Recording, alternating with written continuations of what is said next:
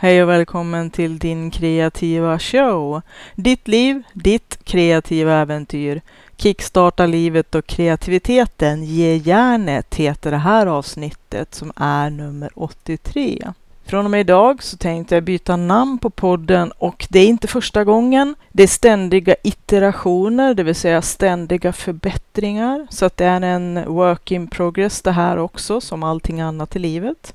Och idag tänkte jag prata om eh, en hel del saker som varit aktuellt i de senaste avsnitten av podden eftersom att eh, jag har en liten hemlis. Och det är att allt jag har pratat om under hela den här tiden som jag har spelat in podden är sånt som jag faktiskt arbetar aktivt med själv och eh, därför har ett personligt och djupt intresse för. Jag har inte pratat så mycket om mina egna framsteg, eller om det nu finns några framsteg, det vet man inte kanske. Det får man väl se efteråt när man har möjlighet att utvärdera. Men att eh, en hel del av det som podden har handlat om den senaste tiden har ju varit tid och utrymme, till viss del också om pengar, energi och och eh, vad man har möjlighet att orka och hinna med att engagera sig i och vad det är som kanske tränger undan saker som vi vill göra. Jag har ju pratat nu i några avsnitt om det här med tid och eh, vi är inte färdiga med tiden än. Tanken är att det ska leda till ett avsnitt som ska knyta ihop allting med eh, konkreta tips och råd hur man kan eh, lägga upp saker för att bättre utnyttja sin egen tid och eh, sina egna förutsättningar. Det är ju det som hela tiden är mitt mål, att ständigt förbättra. Iterationer, iterationer, iterationer. Att förbättra mig själv och förbättra mina förutsättningar utifrån mina egna redan befintliga förutsättningar förstås. Att man måste jobba med det man har och inte mot. Jobba med sig själv och inte mot sig själv. Och det kan ju vara jättelätt att säga men det är lite svårare att göra i praktiken. När det gäller tid så har jag under faktiskt mer än ett år nu kartlagt min egen tid. Och det har ju varit ganska intressant kan jag säga, ganska spännande och eh, jag har utforskat och utvecklat ett eget system för att kartlägga min egen tid. Och jag tänker inte prata så mycket om det i just det här avsnittet. Eh, vi får se vad det leder till. Det kanske är ett framtida kreativt projekt som kan leda till, ja, hur långt som helst. Det vet man inte. Jag har i alla fall kartlagt min egen tid minutiöst under mer än ett års tid. Jag kan till och med säga nästan på veckan när. Alltså jag sysslar med att kartlägga min tid i över 50 veckor plus nu. Och eftersom att jag har ett speciellt system som inte riktigt är veckobaserat så är det några fler dagar än så. Så att eh, jag tror att man skulle ledigt kunna säga att jag har kartlagt min tid i åtminstone ett år och tre månader nu. Och det har lett till en del insikter och en del eh, förändringar, ganska stora förändringar också faktiskt. Och det har ju skett löpande i och för sig eftersom att det här är något som jag har arbetat med långt innan jag började kartlägga min tid aktivt. Och det är lite lustigt egentligen när man tänker att eftersom att jag har inte varit anställd på väldigt, väldigt länge och därför inte varit tvungen att redovisa tid på det vanliga sättet som de flesta måste göra på något sätt. Antingen genom att skriva konton och redovisa, skriva dagbok, göra en del på en del arbetsplatser och eh, stämplar in med stämpelkort och sånt där. Men att man oftast då redovisar tid i någon form. Hade någon sagt till mig för väldigt länge sedan att jag skulle börja redovisa tid igen fastän att jag har kommit ifrån att vara anställd så skulle jag bli väldigt förvånad. Men what do you know? Plötsligt så sitter man där och börjar redovisa sin egen tid. Och det är klart att jag tror att det här kan ju vara jättesunt som egen företagare eller entreprenör att verkligen eh, kartlägga och registrera hur man använder sin tid. Att tidsredovisning ger ganska tydligt tecken på vart man lägger sina insatser. Och att eh, man då också kan rikta vad man gör för någonting och varför. Hur mycket jobbar jag med att uh, marknadsföra, hur mycket jobbar jag med sök, sökmotor optimation, hur mycket jobbar jag med sälj, hur mycket jobbar jag med ditt, hur mycket jobbar jag med det. Att se vilka delar utav arbetet som får eller verkar ta mer plats än vad kanske andra delar tar. Och då kan man ju också reflektera över, är det verkligen så här jag ska fördela min tid? Det är väldigt lätt att fastna i en massa saker som inte är en framkomlig väg eller som inte leder till de resultat man vill ha, vilka de nu än är. Där kan man ju redan där börja med att eh, fundera för sig själv. Vad vill jag egentligen att det här ska leda till?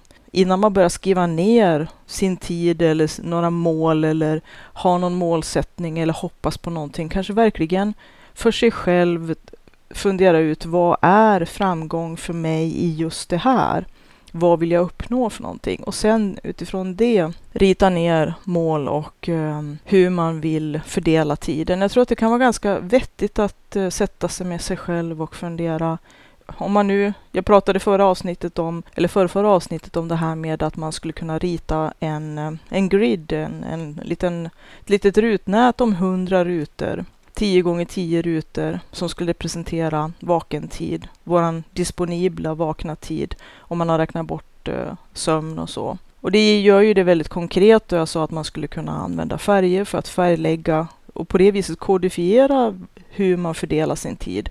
Och då kan det ju bli väldigt grovt kanske arbete, skola, resor, mat, eh, hobbys, läsning, ja, alla möjliga saker som man då kanske ger lite olika färgkoder. Det blir, det blir i alla fall, om man tittar över tid, en vecka, en månad eller kanske till och med längre tid, så kan man ju se kanske hur mycket utav ens tid går åt till städ och tvätt och hushållsarbete och handla och laga mat och äta och, och sådana här saker som vi måste göra. Och hur många delar eller hur stor del av tiden går till också andra livsnödvändiga grejer som att arbeta, gå i skolan och få ihop till brödfödan och sådär göra våra åtaganden. Det kan vara med barn och hämtning, lämning, möten och massa saker. Egen träning. Hur mycket lägger man på sin hälsa till exempel? Det finns ju många eh, tårtbitar i livet och det är det som gör det också lite komplicerat. För det är ju lätt att säga att man ska vika tid för att skriva den där boken. Måla alla tavlorna till en utställning som man har drömt om eller kanske blivit erbjuden. Det kan ju också vara att man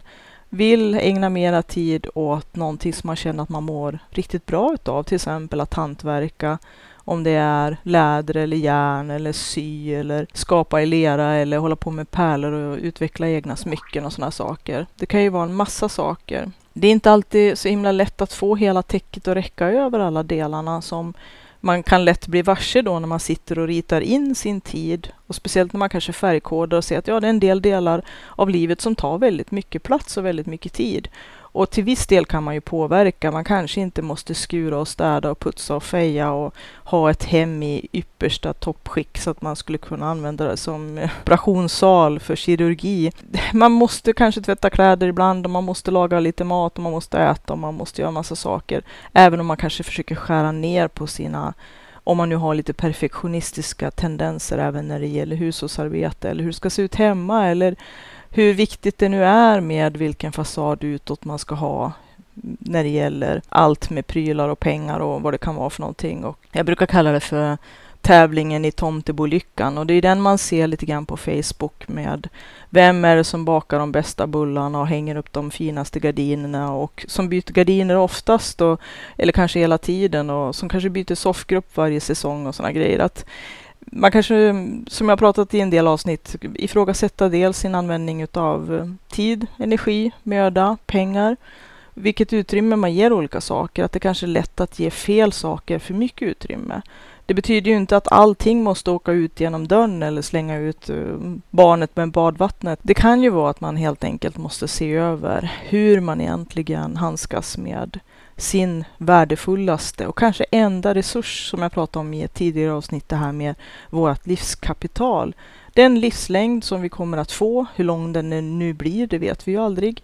Och en massa sådana här saker. Det man i alla fall kan konstatera när man eh, kartlägger sin egen tid och eh, vilken möda man lägger ner på olika saker, hur stort utrymme det får, hur man mådde när man gjorde vad man har för energinivåer och en massa sådana saker som jag pratat om i de tidigare avsnitten så kan man lätt konstatera att eh, det inte riktigt är som man tror alla gånger. Vi kan ju ha en liten blind fläck både när det gäller ekonomi och när det gäller tid. Det pratar jag ju lite grann om det här med jag kallar ju det här med att eh, registrera sin tid, det låter ju väldigt eh, fyrkantigt och stolpigt faktiskt, redovisa sin tid eller tidsredovisning. Låter väldigt mycket jobb och sådär. Men om man tänker tiden och redovisar den som i en tidskassabok, jag pratar om det här med att att eh, jämföra tid och pengar är faktiskt inte en så dålig liknelse egentligen med tanke på att för, eh, pengar är ju bara omvandlad tid egentligen. Vi har använt en, oftast en väldig massa tid för att få pengar och vi måste ha pengar för att leva. Men det där står ju mycket också kanske i motsatsförhållande till vad vi egentligen vill göra med vårt liv. Det kreativa liv som ska vara vårt äventyr och som är det liv vi får, så vitt vi vet. Jag har pratat om det några gånger. Och att eh, man kanske inte ska sälja sig för det första för billigt. Eller man kanske inte ska sälja sig alls, som jag också varit inne på i en del utav de här avsnitten. Se över vad man egentligen lånar sig till. Och även om man lånar sig till saker som man kan stå för, som man tycker är bra, så kanske man helt enkelt inte räcker till på alla fronter. Och jag har ju under lång tid sedan ett antal år tillbaka. Även innan jag stod öga med öga med min egen död som blev inställd. Så har jag ju liksom eh, hela tiden funderat på hur jag egentligen ska förhålla mig till saker. Och en av de böcker som jag läste för väldigt länge sedan och som jag tror att det var väldigt många som läste, det var en bok utav, nu kommer jag inte ihåg namnet heller, Um, men boken heter i alla fall Energitjuvar, så att om man söker på, på nätet eller i någon bokhandlare på nätet så får man snabbt upp namnet på kvinnan som skrev Energitjuvar. Jag, tror hon har kommit ut med lite flera böcker också faktiskt. Men i alla fall, redan då så, anledningen till att jag köpte boken förstås, men eh, tanken hade ju väckts långt tidigare också. Jag tror att det är ganska många som efter ett tag kommer underfund med att uh, allt jag gör och allt jag lägger ner i tid och energi, engagemang på en del saker och en del relationer med en del människor och eh, sådär, är inte riktigt värt det. Och eh, man vill helt enkelt skapa mera utrymme för det som man faktiskt vill syssla med och som är värt det. Å andra sidan kan det vara också så att man sysslar med en massa saker som man verkligen vill syssla med och man är jättenöjd med, men att tiden ändå inte räcker till och då pratar jag om att Ibland måste man välja bort för att välja någonting. Att välja någonting helhjärtat är också viktigt. Att välja någonting som man verkligen, verkligen, verkligen brinner för och vill. Att passion kan vara väldigt, väldigt viktigt. I alla fall när det kommer till att göra saker som är svåra. Och att ha ett kreativt liv och förverkliga sina kreativa idéer, det är ett ganska svårt uppdrag. Om man inte brinner för det just man vill göra och har passion för det, då kommer det att falla platt oftast. Det kan ju vara ännu svårare ifall att man inte riktigt vet vilken som är ens verkliga passion. Så då måste man ägna sig åt lite soul searching och eh, lära känna djupare delar av sig själv och kanske prova på saker. Jag pratar om i en del poddar om det här med att misslyckas, att det är viktigt att misslyckas för att lära sig nya saker. Att det snabbaste vägen till ny kunskap och nya insikter, det är faktiskt att misslyckas. Fast misslyckas är ett så negativt ord. Jag föredrar att kalla det för att experimentera. Att eh, se hela livet som en experimentverkstad och eh, ett kreativt äventyr som ska vara spännande, utmanande och som ska få i alla fall en viss mängd adrenalin att frigöras med jämna mellanrum. Man behöver inte leva ett riskfullt liv eller riskfyllt liv. Man behöver inte utsätta sig för dumma och okalkylerade risker eller säga upp sig från sitt jobb för att man ska leva på sin poesi eller sådana saker. Det är inte sådana risker jag pratar utan eh, att helt enkelt våga ta steget över kanske klippkanten. Och det låter ju jättedramatiskt men oftast är det inte så dramatiskt. Det kan handla om att våga kanske visa någonting man har skrivit för någon, gå med i en eh, skrivarkurs, våga gå en kurs överhuvudtaget, en workshop i någonting som man är nyfiken och intresserad av. Och att våga kanske utforska både sig själv och sin omgivning.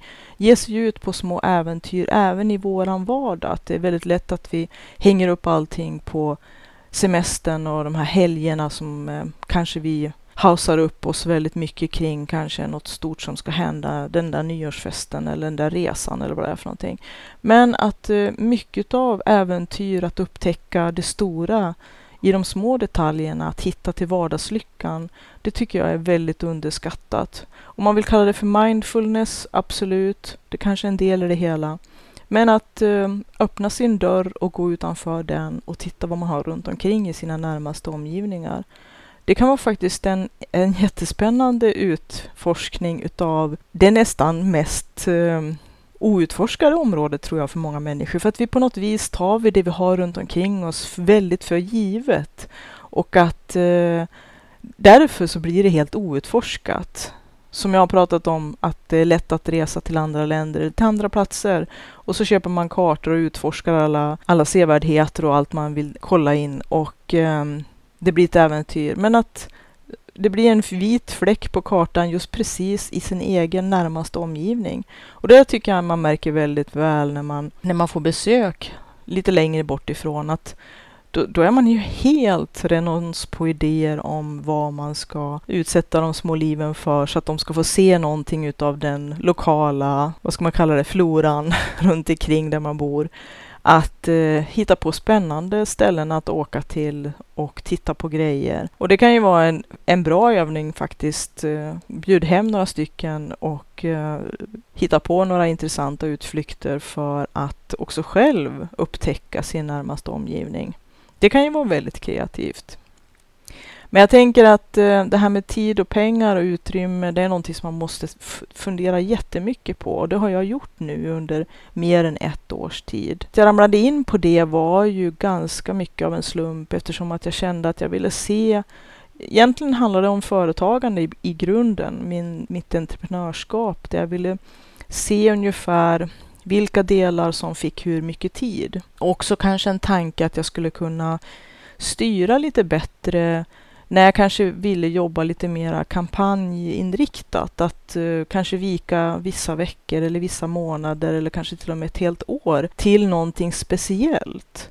Att uh, bara för att ta någonting som är nära till hands att den här veckan ska djupare fokusera på, man kan inte jobba heltid med en enda sak kanske, i alla fall inte om man som jag driver en, en webbutik då man måste leverera varor till, till kunder och sådär.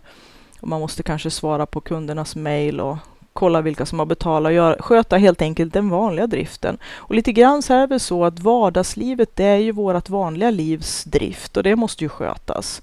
Men ibland kanske man vill dels skala ner på hur mycket plats det ska ta, effektivisera helt enkelt och kanske i vissa avsikter försöka ta bort saker som inte ger någonting längre. När det gäller företagen är det väldigt lätt att prata om det här eftersom att man kan ju bara säga att ja, men om någonting bara kostar en massa tid och energi och eh, man engagerar sig i saker som inte leder till någonting konkret utav värde för företaget, då får man liksom försöka avveckla det helt enkelt. Man måste utveckla saker för att hitta till nya vägar och att växa kanske.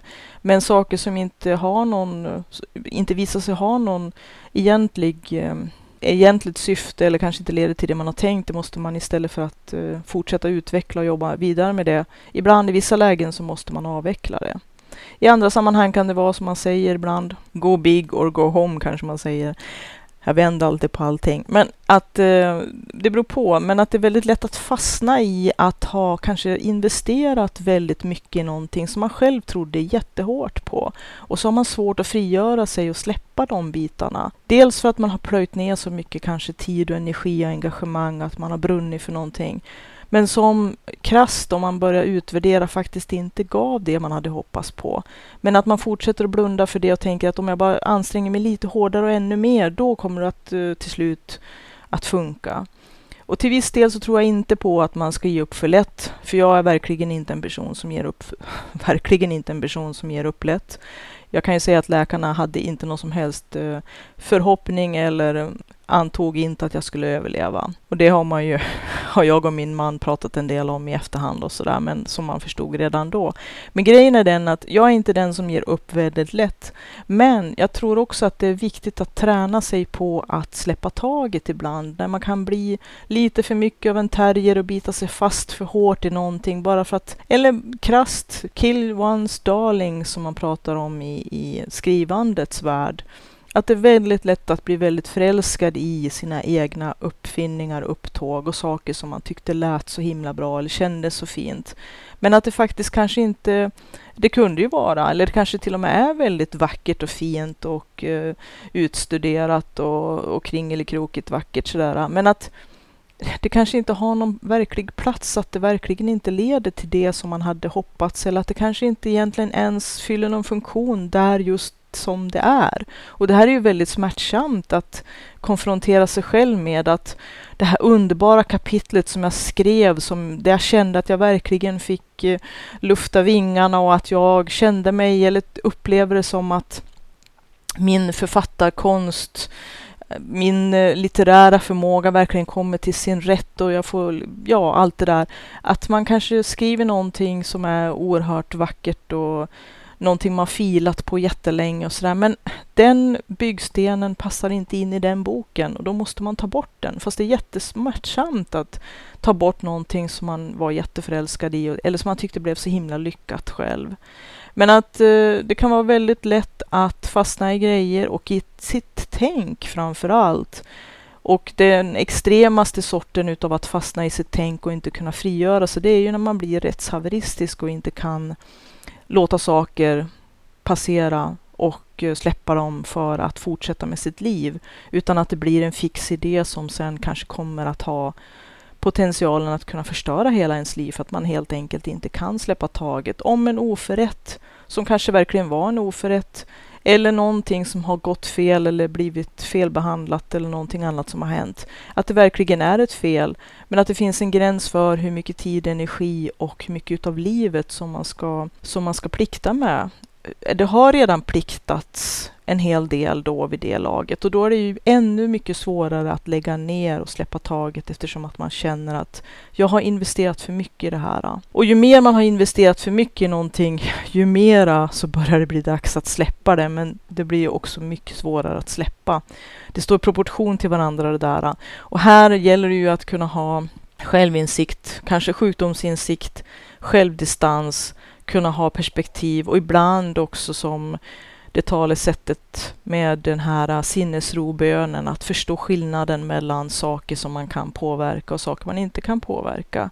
Ge upp, det är någonting som jag aldrig gör. Men ibland måste man ju rikta om sin energi till saker som är mera kreativt, mer konstruktivt, som leder framåt och som faktiskt också i förlängningen kan ge en ett positivt och bra liv som man mår bra utav. Ibland måste man släppa saker för att må bra, för att helt enkelt i självförsvar se till att värja sig. liksom värja sig, kanske dels mot sig själv, men värja sig för att inte gå sönder och bli trasig. Och det här är ju väldigt svårt, som jag vet, för jättemånga människor som till slut ofta slutar i en ehm, depression eller i utmattningssyndrom, att man har investerat till exempel för mycket i ett jobb eller i en position när man har gått sönder nästan innan man har insett att eh, det här håller inte, det här är inte värt vad det kostar. Så att det här med att eh, hela tiden reflektera och utvärdera tror jag att man aldrig ska sluta med. För saker som har funkat jättebra jättelänge eller kanske hela sitt liv, plötsligt vid en viss uh, punkt så kan man inse att nej, det här går inte längre. Det här är en ohållbar situation. Och den lättaste, det lättaste läget kanske att kolla in när sånt händer, det är ju oftast vid ett uppbrott. Och jag pratade i någon tidig podd om det här med att uppbrott är ju fruktansvärda och hemska och det är också väldigt hemskt när det händer någonting riktigt läskigt som till exempel då när jag fick en regelrätt dödsdom 22 februari 2017. Men att om man nu klarar sig igenom det här hemska ett uppbrott är väl kanske lite mindre hemskt, men om man har kollat på stressindex när man har mätt folks stresshormoner i kroppen och sådär, så har man ju sett att eh, det som leder till de absolut högsta nivåerna utav stress, då räknar jag bort att få sin egen dödsdom faktiskt, för det måste nog, tror jag, för de flesta stå ganska högt upp i listan. Men det var inte med i den undersökningen jag läste, utan då stod död av nära anhörig överst, och det är ganska lätt att räkna ut. Skilsmässa, som nummer två och att eh, förlora jobbet. Det är ju sådana saker som är extremt stressande och extremt negativa. Men sen finns det en del saker som är extremt positiva men som kan vara nästan lika stressande. Och det är ju att till exempel flytta, köpa ett hus, gifta sig, få barn. Och att förutom att det är väldigt stora brytpunkter i ens liv, så dels är det att man gör ett uppbrott ifrån sitt gamla kända liv. Eh, det är väldigt positivt för de allra flesta att gifta sig, få barn, skaffa hus, gå in i ett nytt skede i livet. Samma sak när man blir pensionerad eller utav andra skäl inte längre kommer att yrkesarbeta eller, eller göra det vanliga som man är van att göra. Att det blir ett slags uppbrott. Mycket av ens eh, identitet och det man har byggt sitt liv på blir ju då helt plötsligt inte längre relevant. Men det jag tror är viktigt att tänka på det är att ingen kan ta ifrån en det som man faktiskt har varit och det man faktiskt har gjort. Även om att ingen kanske kommer att komma ihåg eller veta om det så spelar det ingen roll. För många gånger brukar jag tänka det att jag vet i alla fall vilken livsväg jag har haft och de viktiga sakerna som jag har gjort som har varit betydelsefulla för mig och för de nära och kära som jag har haft runt omkring mig. Och att människor kommer och går i ens liv. En del får man till låns en kort stund och en del kommer att stanna lite längre. Men att de är gäster i ens liv. Att därför måste man vara varsam både med andra människor och eh, ha respekt för integritet och samtycke. Och att samtidigt både respektera andra människors vilja när de kanske inte vill längre. Men också att kunna värdera det som faktiskt har varit och som var bra, även när det har blivit avslutat eller inte längre är relevant. Det allra värsta är ju när någon dör, för att då avslutas ju ett ofta viktigt kapitel i ens liv som eh, inte längre kan fortsätta. Så det är ju ett avbrott eller ett uppbrott som man faktiskt inte kan påverka alls och eh, att man måste tillåta sig att sörja och gå igenom den perioden. Och det kan ju vara jättejobbigt, men jag tror att känslor att må dåligt och att sörja är inte farligt. Inte heller att vara stressad, men det viktiga är att försöka ta vara på sig själv och även vara förlåtande då när man har dem de faserna i livet. Att det är vissa perioder som man måste gå igenom som inte är så himla kul. Men uppbrotten har ändå den fördelen att de oftast leder till vändningar i livet som man i efterhand kan förstå var väldigt betydelsefulla. Så har det varit för mig många gånger.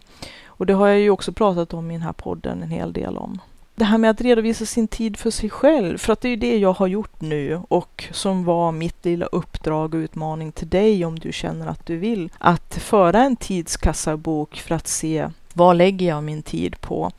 Hur stora delar utav min tid, min disponibla tid efter att man har arbetat och gått i skolan och allt det där man måste göra hur mycket av den tiden använder jag till det jag faktiskt vill och behöver och som är meningen att jag ska göra för att bli den jag var tänkt att bli? Det är ju ganska tuffa frågor kanske också på sätt och vis för att man måste ganska skoningslöst också, om det här ska ha någon vits, se de både bra och dåliga sakerna i sitt liv. Jag kan ju se, igen är det mycket lättare att ta den här eh, liknelsen eller prata om ens företagande. Där blir det lite mera krast och fyrkantigt och inte så kanske emotionellt jobbigt och inte kanske lika lätt att både personligen och för andra att känna sig putt över att det här kommer lite för nära och känns jobbigt för mig. Men att eh, då kan man se att ja, jag måste faktiskt lägga mer tid på sälj för att det spelar ingen roll hur bra produkter jag har, men om ingen vet att de finns så får jag inte sälja någonting och det är miserabelt för framtiden och för mitt pågående liv. Just nu behöver jag äta och hyra och sådana saker. Man kanske ser att, eh, ja, för att kunna sälja så kanske jag måste helt enkelt vika specifika tidsintervall i veckan för att faktiskt göra det och se till att jag håller dem. Och jag kanske också måste jobba mera på marknadsföring och eh, sökmotoroptimering och sådana saker. Jag kanske måste se till att uh, fixa upp saker som mina kunder möts av för att de ska lättare förstå vad jag erbjuder. Det här är ju de svåraste bitarna tycker jag, för att som skapande och kreativ människa så artister och konstnärer har alltid haft svårt med två saker och det vet jag ju eftersom att jag har arbetat med workshops och utbildningar inom bland annat Photoshop och Illustrator och webbdesign och grejer. Det svåraste de har, att, som nästan är som att flaxa med ett rött skynke framför deras ögon, det är ju det här med pengar och marknadsföring. Det är jättefula ord i vissa kretsar, men även om det inte är jättefula ord så är det någonting som många har väldigt svårt för. De flesta kreativa människor, jag, jag själv inkluderat, tycker att det här tar för mycket tid. Men sen samtidigt så är det ju också det svåra att vi behöver göra det för att få tid och pengar att kunna göra det vi vill förverkliga. Och så att det blir lite grann utav ett moment 22 en liten omöjlig situation som ehm, är svår att eh, veta vad man ska göra av riktigt. Men att det första steget är faktiskt att se vad lägger jag egentligen idag tid på? Man kanske tycker man ägnar jättemycket tid till saker som man inte gör egentligen när man tittar krast på det. För att ta exemplet med att sälja och att marknadsföra så kan det ju vara att man tycker att man jobbar jätte, jättemycket med det. Men i tid räknat så kanske det inte alls är så mycket som man upp uppfattar eller uppskattar det. Eftersom att man tycker att det är så traumatiskt och jobbigt och hemskt. Så då kanske man tycker att det tar mycket mera tid eller att man ägnar mycket mera tid åt det. Men i verkligheten är det bara att saker man tycker är jobbiga eller obekväma eller rent av plågsamma, det, det, det, tiden går ju hemskt långsamt då. Och då kan det ju vara att man uppfattar det som att man har ägnat eh, eoner med tid åt eh, det här som man tycker är så traumatiskt och jättejobbigt. Och det gäller ju då naturligtvis att försöka jobba sig runt sina olustkänslor och hitta sätt att eh, konfronteras och arbeta med det här på ett sätt som gör det mer lustfyllt och mera positivt och att man kanske kan hitta nya sätt och tekniker, både att arbeta men också att mentalt tänka för att komma i, i kring sina issues. Men jag tror att det, det omvända är mycket, mycket vanligare ändå. Och det är att vi tycker att vi inte alls ägnar så mycket tid åt saker som vi faktiskt gör. Och jag blir alltid lika road när jag läser såna här äh, diskussionstrådar om hur mycket tid använder du till att surfa på nätet eller hänga i den här äh, diskussionstråden eller syssla med sociala plattformar och såna här saker. Och många gånger så skriver 90 procent eller 80 procent skriver alltid att ja, jo, men jag är alltid inloggad, men det betyder inte att jag sitter vid datorn eller är aktiv hela tiden.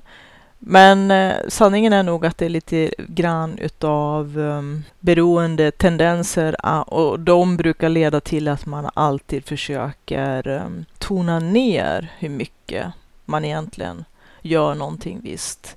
Och att man kanske dessutom, förutom att man tonar ner det medvetet, så kanske man också omedvetet själv lever lite grann i självbedrägeri. Att det är lätt att vara delusional, som man säger på engelska, när man själv är mitt uppe i det. Och att eh, många då skriver att ja, jo, men jag är inloggad hela tiden. Och en del är inloggad dygnsvis på en del ställen som jag hänger på.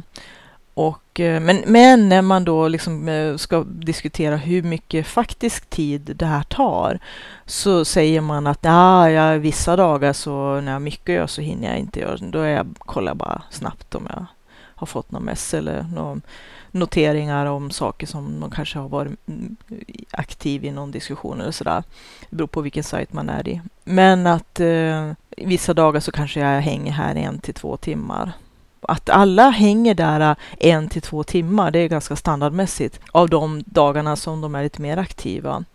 Men att jag tror så här, att förutom att man kanske inte är aktiv som i att man hela tiden skriver, så är man ju passiv hela tiden skannar sina flöden och läser i trådar och sådär för att hänga med i tugget och så. Man säger ju FOMO, fear of missing out, att det, det gäller att hänga med och, och sådär.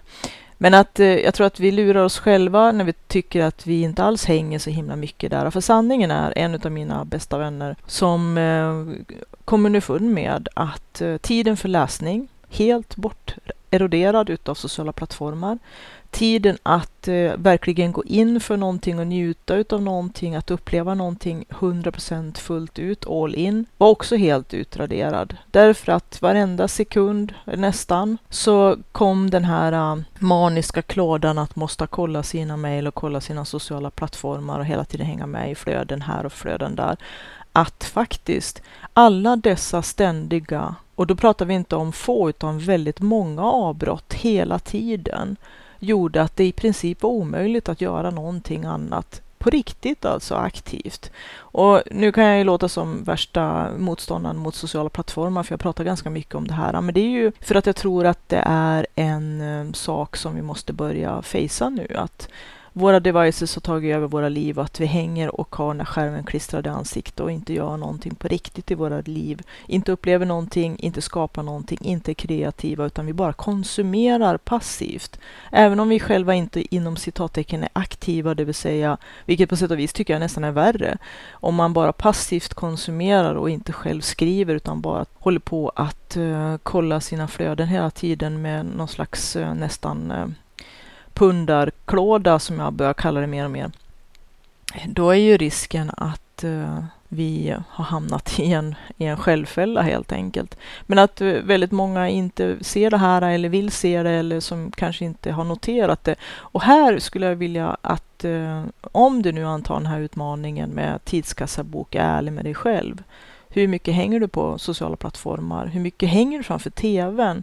Hur mycket Youtube? Hur mycket online-spel? Och hur mycket ägnar du åt din kreativa egna verksamhet? Och det här är kanske lite hårda papper, men många människor hela tiden kör den gamla vanliga tjatiga visan om att de inte har tid, de har inte tid, de har inte tid. De hinner inte, de hinner inte, de hinner inte, de vill, de vill, de vill. Men de hinner inte, de hinner inte, de hinner inte. Och då pratar ju jag ju ganska mycket om det här med prioriteringar. Att prioritera saker som är viktiga för en själv och för det man faktiskt vill. Om man bara säger att man vill det, då vill man det faktiskt inte förrän man har förverkligat det. Jag är kanske är lite hård nu, men Talk is cheap som det brukar heta och eh, det kanske är dags att lägga lite kraft och lite handling, lite action bakom drömmar och önskningar och inte bara bubbla om dem. Men nu ska jag väl kliva av min lilla tvållåda och sluta propagera eller missionera eller eh, vad man nu ska kalla det för någonting om sociala plattformar. Men jag tycker det att skriv inte bara när du jobbar eller när du måste göra saker utan även den tiden du faktiskt passivt konsumerar eller hänger på ställen som gör att du blir ganska passiv själv som person. För att om man hela tiden, som jag pratade om i, för några avsnitt sedan, blir avbruten i det man faktiskt försöker åstadkomma, att det här med återställnings och eh, ställtid som eh, Bodil Jönsson pratade om i Tio tankar om tid, att det tar väldigt lång tid att hitta tillbaka till sin koncentration och därmed också sin möjlighet att hitta till flow, det här underbara transliknande stadiet när tiden bara flyger iväg och man gör helt fantastiska saker som precis är på gränsen för ens förmåga och utmanar en och som gör en så himla lycklig då när man med lite lagom mycket adrenalin i kroppen känner att wow, vilken ride, vilken häftig resa det var. Och jag äntligen fick chansen att göra det här som jag har drömt om så länge och förverkliga den här tanken eller idén, den här visionen det här kreativa arbetet, det här projektet. Även om man kanske inte blir klar på en kväll eller så. En del saker tar ju längre tid, som till exempel skriva en bok eller göra någonting för lite större arrangemang. Men att man kanske fick testa en ny teknik eller man fick prova den där lilla idén som man hade haft. Undra hur det där skulle kunna funka. Och kanske misslyckas lite på vägen och eh, experimentera en hel del tills man hittar en perfekt lösning på problemet. Och ibland kan det vara som jag säger att nöden är uppfinningarnas moder. Att många gånger när man har eh, klantat till det eller att någonting blir svårt eller det blir något fel eller någonting händer på vägen så brukar man hitta till nya tekniker och nya sätt att lösa saker när man blir nödd och tvungen, när man har en liten, lite lagom svettig ångest över att man håller på att förstöra någonting som man faktiskt var jättetaggad på att eh, lyckas med. Och jag tror att just de utmaningarna är oerhört eh, utvecklande och bra för oss, även om att i stunden så kan man ju känna sig sådär lagomt hipp hurra när man eh, svettig tänker att jag måste försöka reda upp det här. Men när man har lyckats reda upp någonting och hittat nya sätt och tekniker och metoder och kanske till och med testa de här sakerna man aldrig skulle ha vågat testa om det inte var en desperat situation. Då kan man i efterhand komma på att det här var ju fett nice alltså. Vilken tur, tur att det här hände.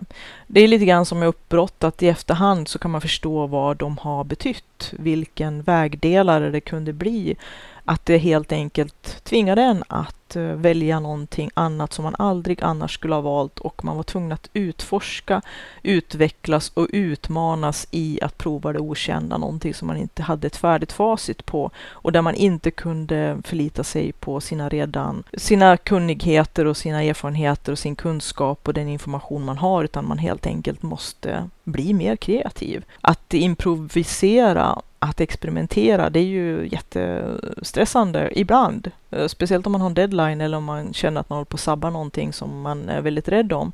Eller som man väldigt gärna hade velat lyckats med. Men å andra sidan, om man har höga insatser så har man ju också mycket, mycket mera motiverad att göra sitt allra bästa för att försöka fixa det här ändå.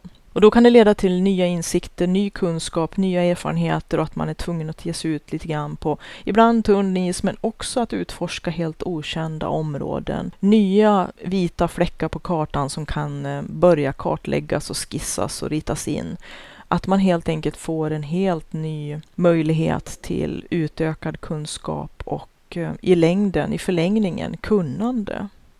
Att utvecklas som eh, kreativ med en person, som hantverkare, som konstnär, som artist, som entreprenör, som företagare, som människa kan ju vara ibland smärtsamt och ibland mödosamt, men alltid värt det i slutändan. Det är i alla fall det som jag har kommit fram till. Var ärlig med dig själv när du skriver tid.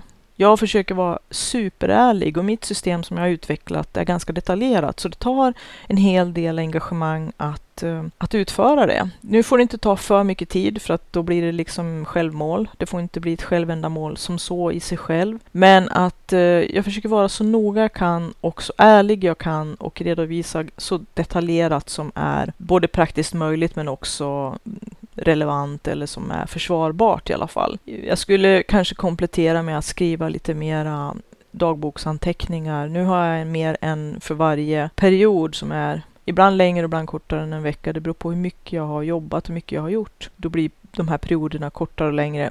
Men att eh, så skriver jag en, eh, en vad ska man kalla, sammanfattning av den perioden och med de, om man nu vill kalla det för höjdpunkter eller de stora saker som hade mitt fokus precis under den perioden. Då blir det lite saker som man kanske skulle kunna kalla för peaks eller de händelser som eh, var tongivande för precis just den perioden som också är en slags minneskrok för mig. Ett sätt att veta att aha, det var den veckan vi hade blästerhelg och då hände de här och de här sakerna. Att jag behöver med få nyckelord skriva den här lilla sammanfattningen så kan jag direkt eh, koppla vilken vecka jag var och vilken tidsperiod det handlade om och vilka ytterligare saker jag, jag gjorde då. Men där har jag också då i väldigt korta nyckelord och, och, sammanfattningar också skrivit vilka aktiviteter inom de områden som jag vill ha fokus och belysa eh, så att jag ska kunna komma ihåg vad jag har ägnat min kreativa tid till. Och eftersom att jag jobbar med kreativitet hela dagarna i den verksamhet eller de verksamheter som jag sysslar med så,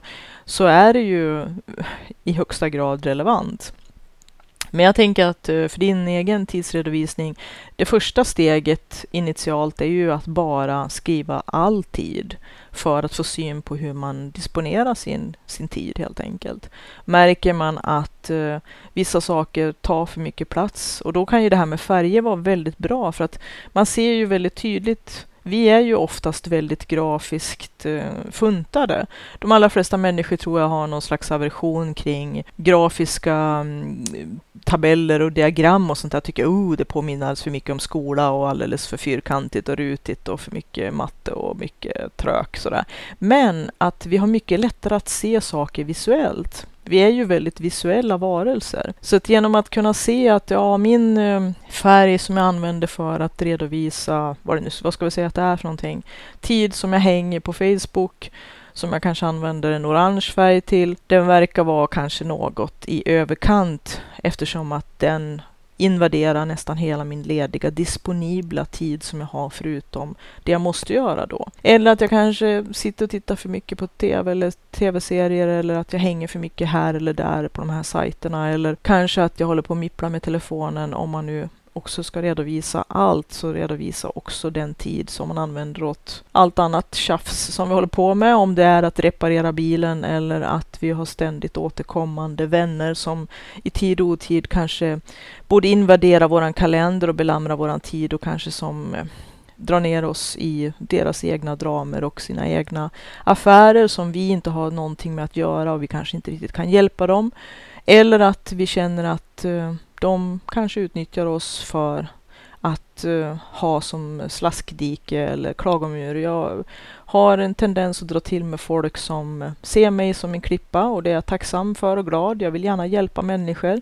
Men också personer som egentligen inte vill göra jobbet själv utan de vill på något magiskt vis att jag ska bara veva lite grann med min imaginära trollstav så ska deras problem vara väck. Och även om jag försöker ge dem konkreta råd på direkta frågor och hjälpa dem, spegla dem och kanske ge mina synvinklar och kanske ibland även vara the devil's advocate, eh, djävulens advokat. Lite grann för att kanske vara i opposition mot deras eget tänkande för att de ska kunna se lite nya synvinklar. Med rätt personer kan det gå, inte med alla personer. och så vidare och så vidare. Men ibland så måste man förstå i tid att den här personen kanske inte riktigt tänker göra jobbet själv eller är inte intresserad utav det som jag ger, utan de vill kanske egentligen bara ha någon att gagga med eller någon som kanske ska se dem eller bekräfta dem, men inte på det här positiva sättet utan på något vis så blir det kanske en eh, liten sån här pessimistbubbla utav det hela, kanske någon man kan hålla på och kräkas ut negativ energi eller konflikter eller draman man tycker att man lever i och som man kanske måste ventilera med andra för att, ja, gud vet vad eller varför.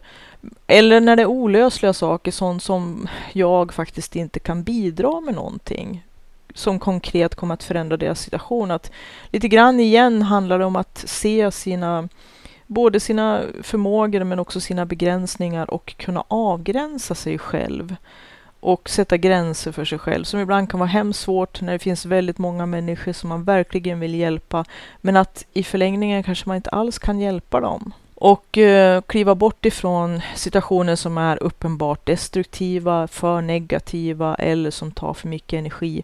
Och då menar jag inte att man ska ditcha folk som man håller av eller som är viktiga för en eller att man ska skippa att ha relationer. Relationer är jobbiga alltså. Och det är en hel del arbete och tid som man måste lägga ner på dem, men de är absolut värt det. Men att man kanske måste ifrågasätta om eh, dramafabriken, som jag nu brukar kalla en del, inte många personer, men det är några som kvalificerar sig till titeln dramafabriker. Efter ett tag märker man att det är alltid drama kring dem. Det blåser alltid storm kring de här personerna och de skapar alltid en massa, massa turbulens i början verkar det som att de själva är mm, inte orsak till det hela, men efter ett tag så märker man att det är crazy makers som Julia Cameron pratar om i sina böcker om kreativitet. Och det är ibland rena konfliktparasiter som eh, helt enkelt lever på bekräftelsen av att synas i strålkastarljuset. Oavsett vad det handlar om. Att det finns de som har narcissistiska personligheter och som mm, måste ha konflikter för att känna att de lever eller för att få bekräftelse, självbekräftelse. Och som man brukar säga att eh, all PR är PR. Men eh, jag är inte så där jätteförtjust i de här personerna. De kan veva upp en hel del drama och få folk med sig och, och sådär. Men efter några vändor börjar bli väldigt tröttsamt och väldigt gammalt och man ser mönstret.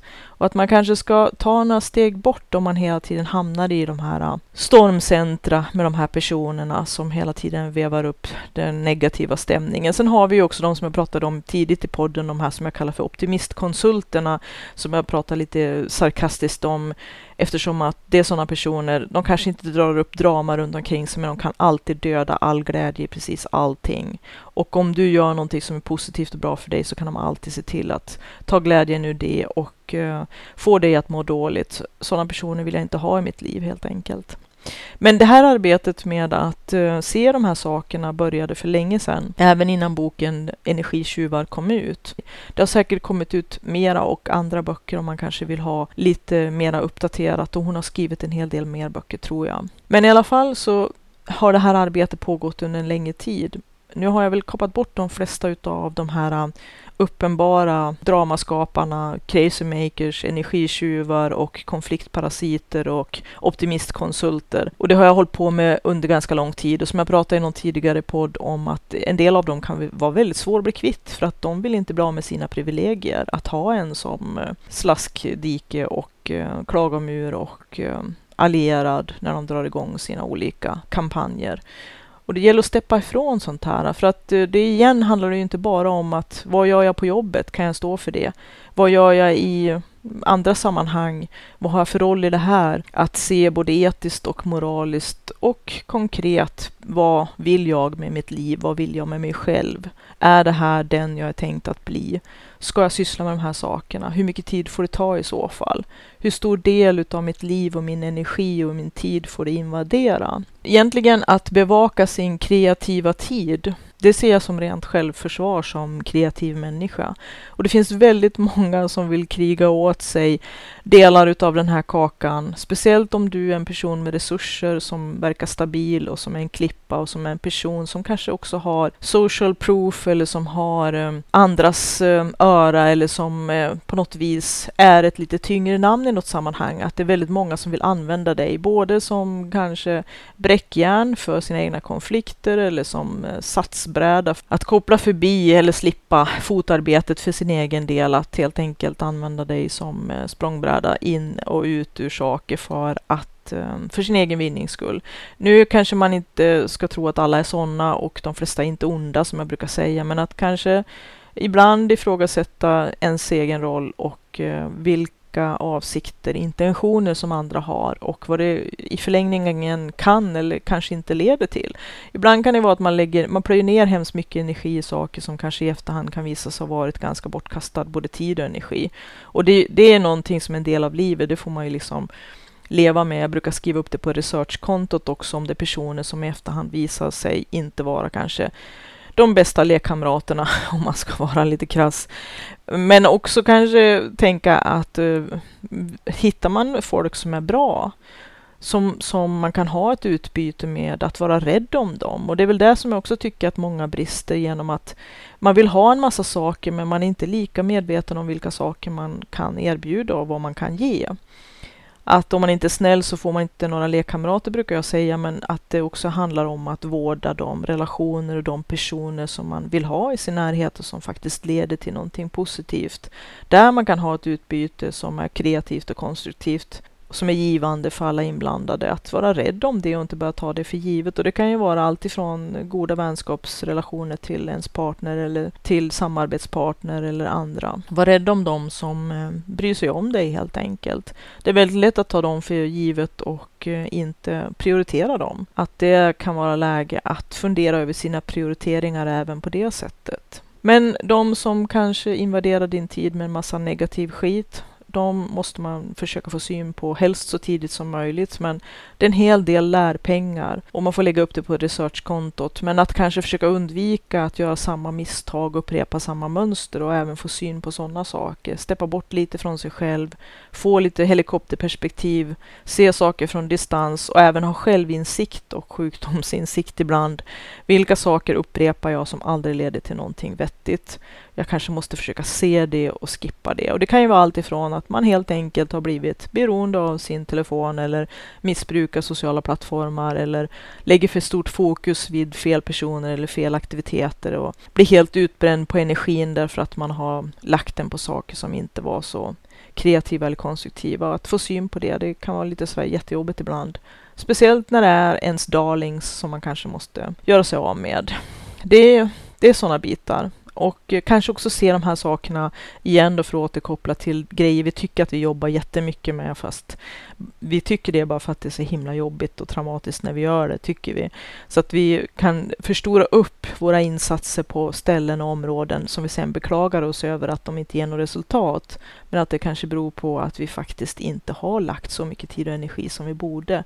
Vi bara upplever det som så. Så det här är lite grann hönan och ägget och man måste försöka röna ut vad som är vad och eh, fatta sina beslut utifrån det. Så min hemlighet har varit att under alla de här eh, poddavsnitten som jag har pratat om eh, tid och energi och pengar och space, utrymme, inte minst det här med att skapa eget livsutrymme för sina kreativa äventyr och sitt kreativa skapande liv. Jag har arbetat aktivt med det under hela tiden samtidigt, men jag har inte redovisat och inte berättat så mycket om de aktiviteter och de åtgärder som jag har vidtagit. Men jag kan säga så här att eh, det har kommit till en hel del vändpunkter som har gjort att jag förändrat en del saker ganska radikalt inte minst eh, och det sista faktiskt, helt, helt nyligen. Och man kan ju tänka sig att eftersom att jag har jobbat med det här under så lång tid och startade långt innan den här boken om energitjuvar ens kom ut, så kan man ju tänka att ja, men då borde jag väl vara klar nu. Men det är det som är lite grejen och eh, som jag inledde det här avsnittet med. Ständiga förbättringar, iterationer, iterationer, iterationer. Att även om man hittar någonting som är bra så kan det alltid bli bättre. Och även om det var bra så kan saker och ting hända eller förändras så att det kanske inte är lika funktionabelt eller längre relevant. Att man hela tiden måste göra den här eh, reflektionen kring sitt eget liv, återkoppla, ta in lite grejer. Utveckling har skett, saker har förändrats, ens ståndpunkter kanske har förändrats, man har fått nya insikter, mer kunskap och man har märkt att saker som man har förändrat och ändrat och förbättringar man har gjort. En del blev bra, en del blev mindre bra, en del kanske spelade en stor roll i ett visst skede men sen har spelat ut mer och mer sin roll eller kanske blivit till och med rent av förlorat sitt um, sin funktion eller sin effektivitet eller kanske till och med har blivit kontraproduktivt. Det kan ju också hända. Att hela tiden eh, ifrågasätta, reflektera och fundera. Hur kan jag gå vidare från just den här punkten som jag är nu?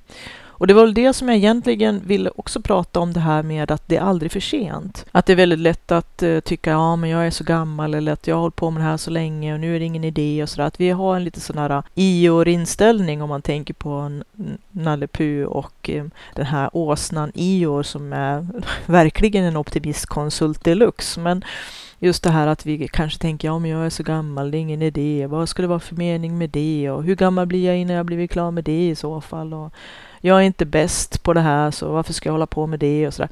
Men att eh, det är aldrig för sent att ändra saker och ting och som eh, ja, har blivit mitt motto, att ens historia inte ska avgöra ens framtid och att eh, hela tiden se nya möjligheter till utveckling och förbättring och förändringar. Och det här är ett pågående, ongoing, work in progress och det är någonting som är livets flöde också som jag tycker på ett vis är oerhört eh, fint också samtidigt. Det är organiskt och vi kommer aldrig att gå i mål. Vi blir aldrig fullärda men samtidigt så är väl det tur för annars skulle vi förlora helt intresse i att fortsätta sträva och göra bra saker. Förbättringar är ett, ett pågående arbete även i sitt eget liv. Det är inte bara förbättringar i hemmet eller förbättringar på sin arbetsplats eller förbättringar i sina relationer eller förbättringar utav olika kunskaper och erfarenhet utan också förbättringar av ens faktiska liv och faktiska livskvalitet som jag är väldigt stark förespråkare av. Och det är ju hela tiden pågående. Saker som var bra först kanske har spelat ut sin roll. Saker som kanske var tänkt att bara ta lite plats plötsligt börja sluka saker och ting helt och hållet. Att man måste hela tiden vara med och eh, styra, aldrig släppa taget om ratten eller styrkulten vad man nu vill ha för liknelse när man styr sitt eget fartyg. Eller, vi är ju faktiskt vår egen farkost på våran väg genom tid och rymd som jag tycker om att tänka. Men att eh, ibland måste man göra nya bedömningar och eh, ändra lite kurs och inriktning, göra lite förbättringar. Hela tiden är det kanske smärre kursförändringar för att svänga in emot den önskade linje som man hoppas följa på kartan. Den karta och den riktning man har ritat ut. Att kolla sin kompass då och då helt enkelt. Men att det är väldigt lätt att tro att bara man har blivit klar med någonting så ska, vara, så ska det vara färdigt. Men idag och med de senaste insikterna som, ja, det har kommit till ett vägskäl i vissa sammanhang för mig när jag igen måste lite grann rensa i buskagerna i min egen rabatt och rota ut en del som har visat sig bli rena rama ogräset som har börjat kväva en massa andra saker och växer över en massa grejer och som invaderar andra planteringsplatser som var tänkt för någon annan typ av odling. Och eh, att det inte är acceptabelt. Ibland kanske det är saker som tar större plats som är någonting bra eller någonting som är tillräckligt prioriterat eller viktigt eller som kommer som en positiv överraskning. Men snarare förr än senare så är det en hel del saker som börjar bete sig lite ogräsaktigt och inkräktar och växer in och växer över andra planter och andra växters utsedda rutor, det som jag har försökt att eh, så och plantera och odla och då måste man ibland vara lite hård med utrensning, rensa ut det är lite grann som ogräsbekämpning, att det är en ständig kamp mot saker som vill invadera våran tid och våran energi. Att man måste ibland nästan till och med agera lite på självförsvar som det helt nyligen har blivit för mig då. Att jag helt kände att nej, nu är det nog med de här prylarna. Det har tagit för mycket tid, för mycket energi och det har gjort att mitt fokus har skiftat och eh, kanske hamnat på fel saker för länge. Och det här är inte bra, det är inte det jag vill. Nu är det dags att nästan ta till lite grann den stora spaden och, och, och, gräva om några land helt enkelt. Jag tycker den här trädgårdsanalogin är inte så himla dum egentligen. Att ibland måste man skaffa lite nya frön, ibland måste man skaffa ny jord, ibland måste man gödsla och ibland måste man ta fram den stora spaden och gräva om ett land och vända jorden och eh, man måste rensa undan en hel del ogräs och saker som inkräktar på andras växtplatser och sådär. Och det, det är hela tiden en pågående process och man kommer också att förändra sin inriktning. Så om man nu tänker att man är en liten trädgårdsmästare i sitt eget liv. Man kommer att ändra in, inriktning på det man vill odla, vilka saker man vill ha lite mera utav man kanske har börjat med morötter och tänkt att ja, men jag behöver nog ha lite mera morötter. Men eh, palsternackorna behöver jag kanske inte ha 150 kilo utav, utan det räcker med kanske 10 kilo för att få lite goda köttsoppor eller vad man nu är inriktad på för någonting, för att ta någon liknelse. Att eh, man kan ändra odlingssätt och metoder. Man kan ändra odlingsplatser. Man kan köpa som sagt en hel del nya fröer eller kanske byta med andra. Jag tycker att det här med korspollinering utav både erfarenheter och kunskaper via nätverkandet det är ju ungefär som att byta fröer och sticklingar med andra. Och att vissa saker kommer att falla väl ut, andra saker kommer inte att bli det man vill och en del saker kommer att inte växa alla fall inte just på min mark. Och då kanske man också måste respektera, inte ge upp för lätt, men samtidigt inte bita sig fast för länge vid någonting som kanske inte kommer att eh, ge det man hoppas på. Så att eh, inte bara odla en enda sorts gröda heller kan faktiskt vara oerhört viktigt. Inte splittra upp sig på för mycket så att man blir helt fragmentiserad utan kanske rikta in sig på några huvudstråk i sin odling som man känner att det här ska vara min ryggrad i det som jag odlar och det som jag vill ha. Och så kanske lite extra vid sidan om av lite saker som man känner att det här kan bli lite pikanta kryddningar eller lite utmaningar eller sånt som jag gör för nöjes skull. Det är lite grann som liknelsen som jag har ibland med läsning att en del är nyttoläsning, en del är pliktläsning och en del är lustläsning. Och att man måste ha lite olika delar för att få en bra balans och en bra kombo. Men att man också behöver ha de här både utmanande och eh, jobbiga samtidigt som man också måste ha lite grann för lust och för att eh, känna viljan att fortsätta att eh, upptäcka, experimentera och utvecklas så att man får de här små kreativitetskrokarna eh, som kan kanske dra en lite grann eller som kan locka en lite grann. Jag vet inte, jag har inte hittat någon bra liknelse på direkten om det, men jag kommer säkert på någon i framtiden. Men att eh, det kanske kan vara, om man tänker i trädgården, att plötsligt upptäcka en typ av eh, gröda eller odling eller en blomma eller någonting som man kanske inte har egentligen varken sett eller kanske har fått in av misstag. Ibland så kan ju även till exempel trädgårdsblommor sprida sig själva. Jag upptäckte att jag till exempel för några år sedan hade en väldigt, väldigt fin ståtlig eh, blomma med lila for, lila färgade eh, blommor i klase som var väldigt vacker och väldigt fin och eh, jag visste att det var i alla fall inte någonting som jag hade sått eller någonting som, som fanns naturligt. Jag kände att det här måste vara någonting som har spritt sig. Och det bor inte så mycket folk här runt omkring men jag kollade upp lite grann på nätet och fick veta att jo då, det var en trädgårdsväxt och den måste ha spritt sig med vinden och eh,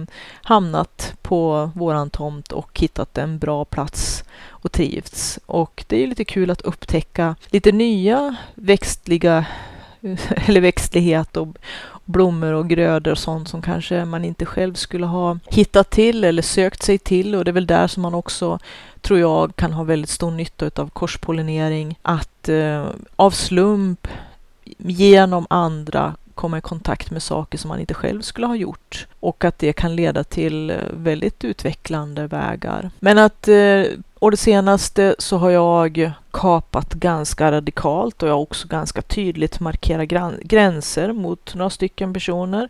Och vi får se vad det leder till. Om jag inte känner att de respekterar den begränsning som jag har satt upp och de gränser jag har satt upp så måste det helt enkelt avslutas för att det är helt ohållbart och fullständigt vansinnigt egentligen ibland hur det kan bli. Som sagt, det är inga personer som är onda, men att eh, det här med perspektiv ibland kan saknas fullständigt och jag kan bli lite grann förskräckt faktiskt att om man är snäll, ibland för snäll och ger folk en, en halv lillfingernagel så det är det en del då som hugger hela armen och eh, det är lite grann det som kan vara svårt att komma ur. Nu har jag ju fördelen av att vara ett riktigt rivjärn, i alla fall som jag tror att en del tycker, så jag kan säga vad jag, vad jag tycker. Och det är en klar fördel. Men att eh, det är inte roligt. Det är faktiskt inte kul. Men man måste ibland eh, faktiskt bevaka sin tid och sin energi och sitt engagemang, vart man lägger det någonstans och sina prioriteringar. Och då får man ibland vara lite för rak för ens eh, bekvämlighet. Att helst av allt vill man faktiskt inte sätta ner foten för att det är jobbigt och besvärligt. Och det är ju allra helst när det är människor som man faktiskt står nära och tycker väldigt mycket om, vilket det i det här fallet inte rör sig om, utan det är personer som är i min periferi, så det är lite lättare på det sättet. Men är det personer som, en, som står en nära kan det vara mycket svårare och mycket hårdare och ännu mer obekvämt att sätta ner foten. Men också där som man också väldigt lätt kan bli ruskigt invaderad. Jag har ju gjort det i tidigare skede, så har jag ju satt ner foten och kapat bort en del sådana här riktiga, om man nu så kallar det för energivampyrer rent ut sagt, som när man måste rehabiliteras en hel dag efter att man har haft ett besök på ett par timmar av en viss person, då är det en tydlig indikation på att det är dags att ta sin mats i skolan helt enkelt. Det här med att redovisa sin tid och att vara ärlig med sig själv, här måste man också vara lite tuff och det är väl det jag försöker komma fram till i just det här avsnittet och jag har varit ganska tuff nu här äh, på det sista med att kapa bort några riktiga tidstjuvar som jag i och för sig har velat kanske fortsätta att umgås med för att eh, allt vi gör är ju inte direkt otrevligt eller okul. Det är inte därför som man kanske vill sluta med det utan för att man helt enkelt vill prioritera någonting annat och då kan det vara tufft att, som jag brukar säga, välja, välja någonting aktivt och att då ibland måste man välja bort. Att eh, vi har bara en viss tid dygnet har bara 24 timmar, veckan har bara 7 dagar, året har bara 365 dagar och vi har ett visst begräns, begränsat antal år vi kommer att vara levande helt enkelt.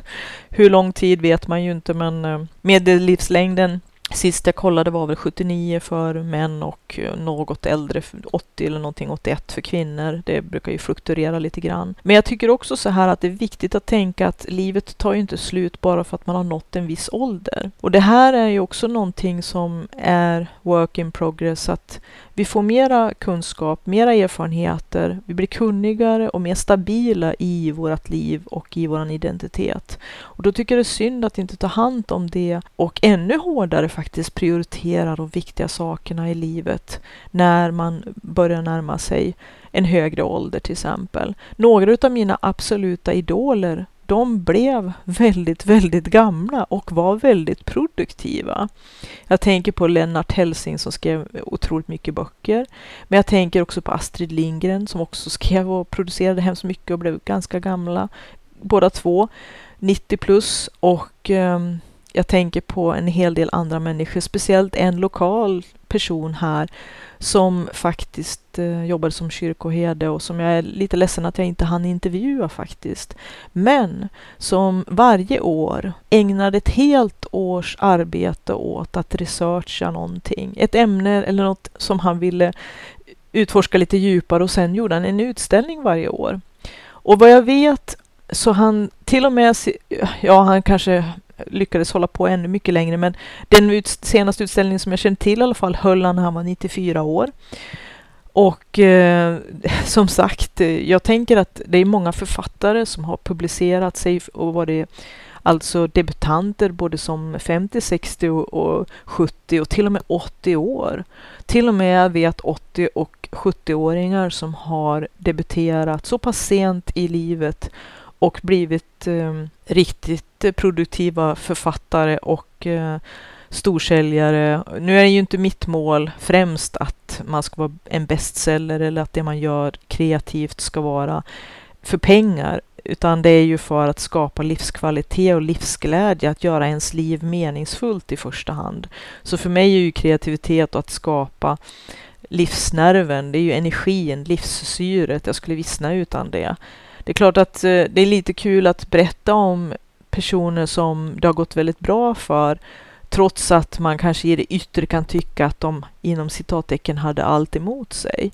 Men att det finns ju väldigt många personer som har fått möjlighet eller blivit tillräckligt modiga när åldern kanske har matchat upp eller hur man ska se det. Jag, tänker, jag försöker tänka att det här med ålder är någonting som vi ska värdera. Att det finns människor som har livserfarenhet och kunnande som är långt utöver det som vi själva har när vi själva är kanske yngre än de personer som jag tycker vi borde se upp till. Jag har haft förmånen att både arbeta med och ha många människor runt omkring mig som har varit tunga namn och i betydande ålder också, som har kunnat förmedla väldigt mycket livserfarenhet och kunnande och kunskap som jag värderar väldigt, väldigt djupt.